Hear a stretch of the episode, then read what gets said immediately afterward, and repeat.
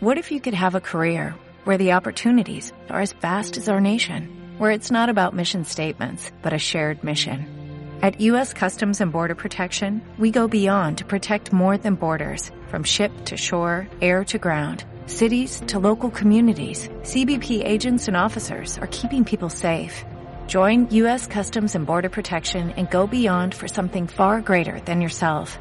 Learn more at cbp.gov/careers. Kaixo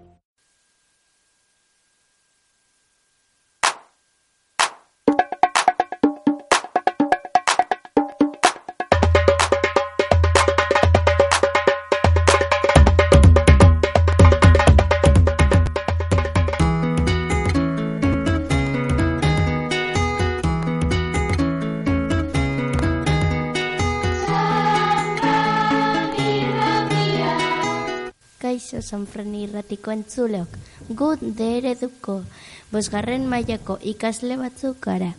Espero dugu gure irratsaioaz disfrutatzea. Aurkezle lanetan, goizane anesu eta ni, goldo, gaitu zue. Gaur betiko irrati saio interesgarria dugu. Azteko, agenda aurkeztuko dizuegu, beren eta guratzen eskutik. Haze gogoa dudan entzuteko. Gero, berriak entzungo ditugu, Martina eta Oian Leandrorekin. Gehiago baldugu goizane? Bai, horize da, koldo. Berriak entzun ondoren musika entzungo dugu. Urtzi oian urbeltz eta Mikelekin. Erne egon, gaur elektrotxatunga gure eskolako txarangari buruz hitz egingo digute.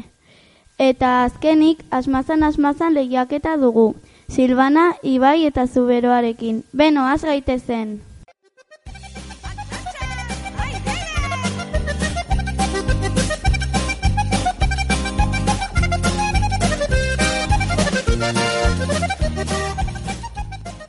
Kaixo guratz, kaixo miren, entzun dut ekitaldi interesgarri mordoarekin etorri zaretela. Ea ba, entzun dezagun. Kaixo anezu, egun on guztioi, gumiren eta guratz gara. Bai, miren, hau gogoa guratalarekin hasteko. Gaur, ospatu diren eta ospatuko diren ekitaldi batzuez mintzatuko gara. Aurrera ba, hasiko gara. Bosgarren mailakoek, hau da, gu, liburuaren eguna izan denez, atzo aste azkena laurtekoi gure bikote lagunari ipuin batzuk irakurtzera joan ginen. Ze gustora pasatzen dugun haiekin. Eta bosturtekoek astelenean behintzala baienera kanpaldira joan ziren. Primeran pasa zuten.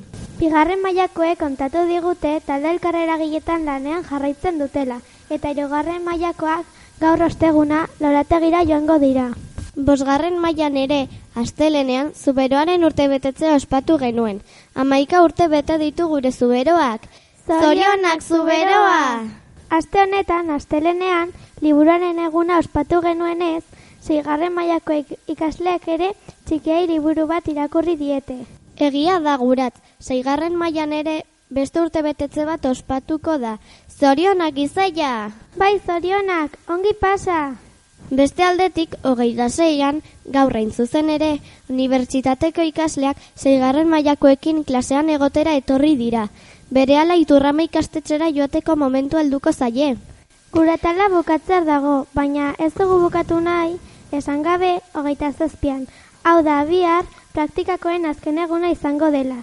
Ze pena gure Mikel badoa. Zorte hon, Mikel! Guratala bukatu da. Agur, urrengo arte!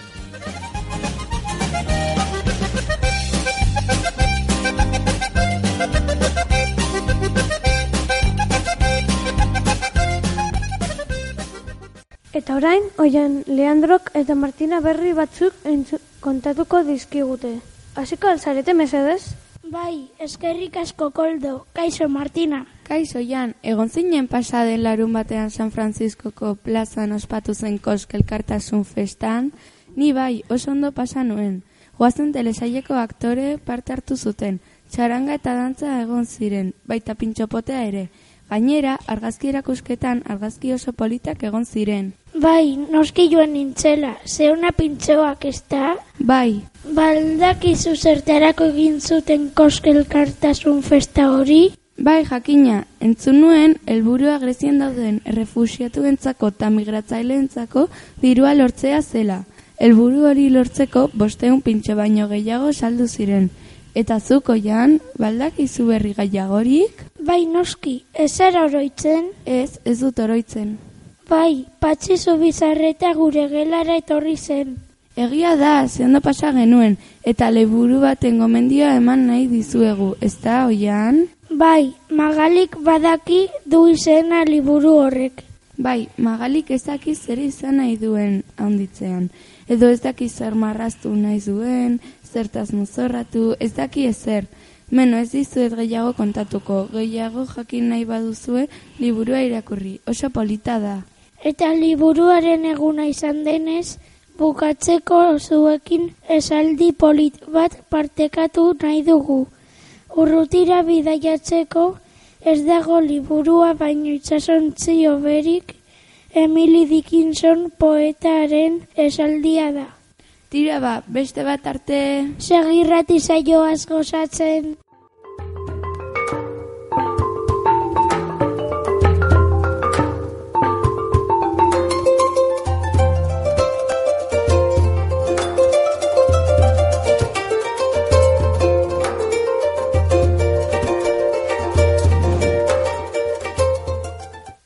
Berriak entzun ondoren, musikalen ordua heldu da. Mikel, Oian Urbeltz eta Urtzirekin. Aurrera lagunok! Bai, koldo, badaukagu oso gustokoa dugun abesti bat. Taldearen abeslariaren izena endika da. Ez da, Mikel? Bai, Oian, baina ez zaizu importantena. Taldearen izena. Sartakoka da, tafaiako eska taldea. Baldak izu abestiaren izena, urtzi? Bai, Mikel, abestiaren izena la lista negra da, eta Orain, aurrera musika.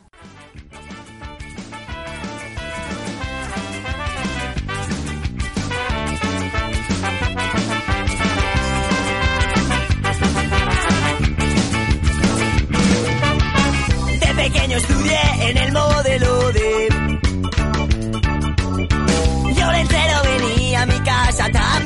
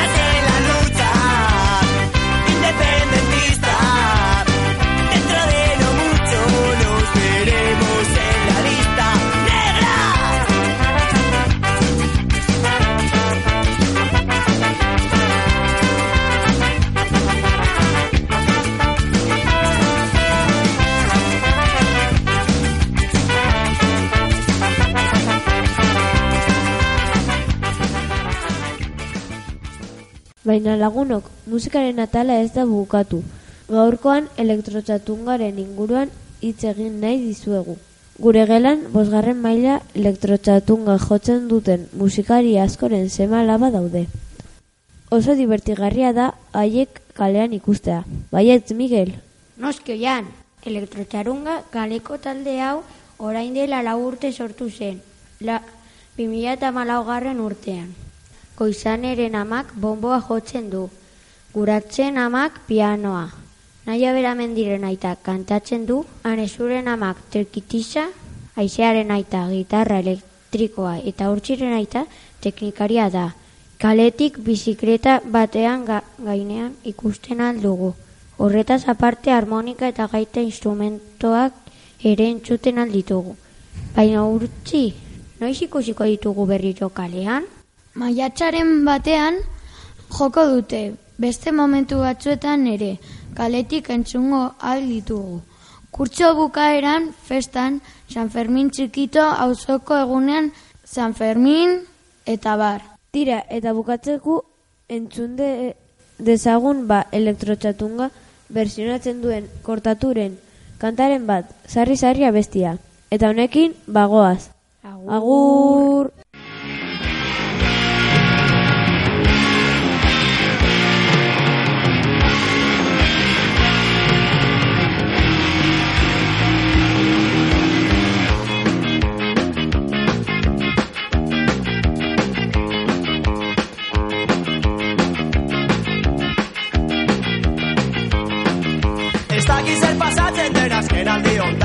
Hasi dela dantzatzen zarritan Zerbait ikusteko adundi pantaiera Los frecuento generalean Sarri, sarri, sarri, sarri, sarri, sarri Sarri, sarri, sarri, sarri, sarri, sarri Sarri, sarri, sarri, sarri, sarri, sarri Gaztatu Irratikoak antziren mititzen zuzenean paella janko zutela Eta pitita bere muturretan saltzan zudela kontuatu gabeak Sarri, sarri, sarri, sarri, sarri, sarri. Sarri, sarri, sarri, sarri, sarri, sarri. Sarri, sarri, sarri, sarri, sarri, sarri.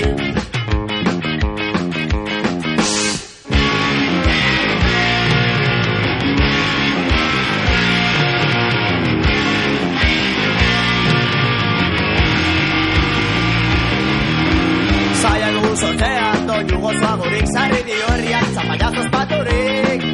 Iruñeko entxerroa, desentxerroa Hemen zapi gorriak, zerua du estatzen Ez dakiz zer pasatzen den azken aldi hontan. Jende hasi dela dantzatzen zarritan Zerbait ikusteko adubi falta direlako zure cuento Gure gaurko saioarekin jarraituz asmakizunen bat proposatuko dizuegu. Baino lehenago, aokorapiloaren bat, txisteren bat ere badugu. Hemen daude zuekin, Silvana, Ibai eta Zuberoa. Kaixo entzule. Ok. Lehenik eta behin aurreko irratsaioaren erantzunak esango ditugu. Watermelon eta mahatsa. Eta irabazleak hauek izan dira. Seigarren mailako, seigarren mailako Mikel Guarte. Sergio Saez, Manes, Lesuri, Oier, Olaia eta Imar. Eta watermelon, watermelon asmakizunean askok iraba, e, irabazi duzue. Zorionak. Orain, Ibaik ahokora pilo zail bat bodako dizue. Erne. Aurrera, Ibai. Tengo una cabra ética, perlética, pela, pelamética, mochicalva y cicuda. Si la cabra no fuese ética, perlética, pela, pelamética, mochicalva y cicuda, los cabritos no serían éticos, perléticos, pela, pelaméticos, mochicalvos y hocicudos. Eta orain, bota oro ahokora pilo azuk, zuberoa. Nola, venga tira, saiatuko naiz. Tengo una cabra épica, pelética, pelantrética, moquichalva y hocizuda. Si la cabra no fuera ética, perle, perlática, pelambrética, moquichalva y hocizuda, los cabritos no serían éticos, perláticos, perlambáticos, mochicalvos y hocicudos. Oso zaila da, Ibai, zu fenomeno bat zara. Ze zaila ez zuberoa? Bai, nik berriz txiste batzuk kontatuko dizkizuet. Adi, hasiko naiz. Zer esaten dio hortzeskuia batek komuneko paperari. Batzuetan lana txarrena dudala pentsatzen dut. Bai, ziur zaude, esaten dio komuneko paperak. Ze ona ez da? Orain bigarren txistea. Seme batek esaten dio beraitari. Aita, aita, handia naizenean zu bezalakoa izan nahi dut. Ni naizen bezain azkarra izateko, ez ni naizen bezalako seme bat nahi dudalako. Ja, ja, ja, ja, ja, ja, ja. Eta orain Silvanak asmakizun bat esango du. Adi, adi egon. Eskerrik asko Ibai, erne. Bi aite eta bi ume arrantzara joan dira, eta hiruan rain arrantzatzen dituzte. Bakoitzak bat. Zein da erantzuna? Ez dut oso ongi entzun. Alduz errepikatu mesedez? Bai. Bi aite eta bi ume arrantzara joan dira, eta hiru arrain arrantzatzen dituzte. Bakoitzak bat. Zein da erantzuna? Gogoratu asmakizunaren erantzuna erratzaieko buzoian sartu. Asmakizunaren atala bukatu da. Hau izan da guztia. Agur! Agur!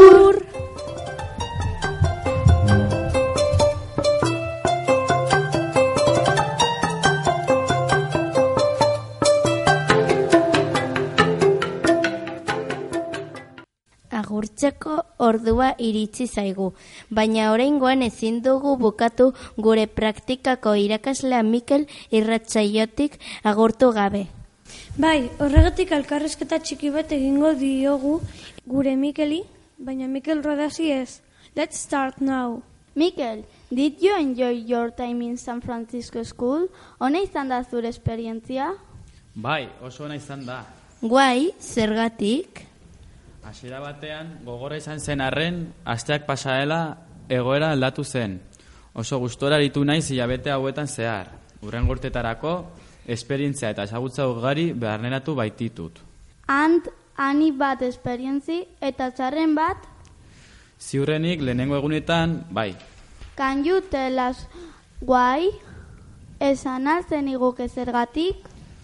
Ba, giroa espero nuena, baino astunagoa izan baitzen. Now the last questions. Orain, azken galderetara joango gara. Mikel, bosgarren mailako klasetik zein irakasle da onena eta txarrena zurentzat eta ez duena? Guai, Hogeita bost ikasle izanik, ezin diot galdera honi erantzunik eman. Momentu onak naiz txarrak bizi izan ditut zuen gelan, baita astunak ere bai. Baina onak bakarrik buruan gordeko ditut. Txarrak eta astunak ez. Bosgarren mailako ikasleak oso onak, txarrak eta astunak zarete.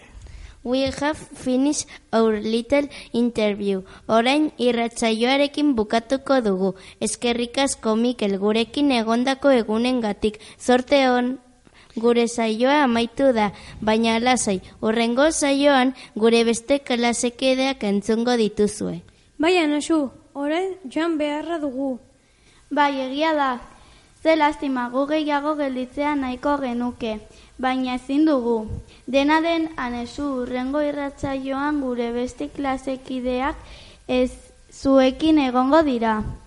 Eta oraindik gure irratiza azken saio bat falta da. Beraz laster arte. Agur, hurrengora arte!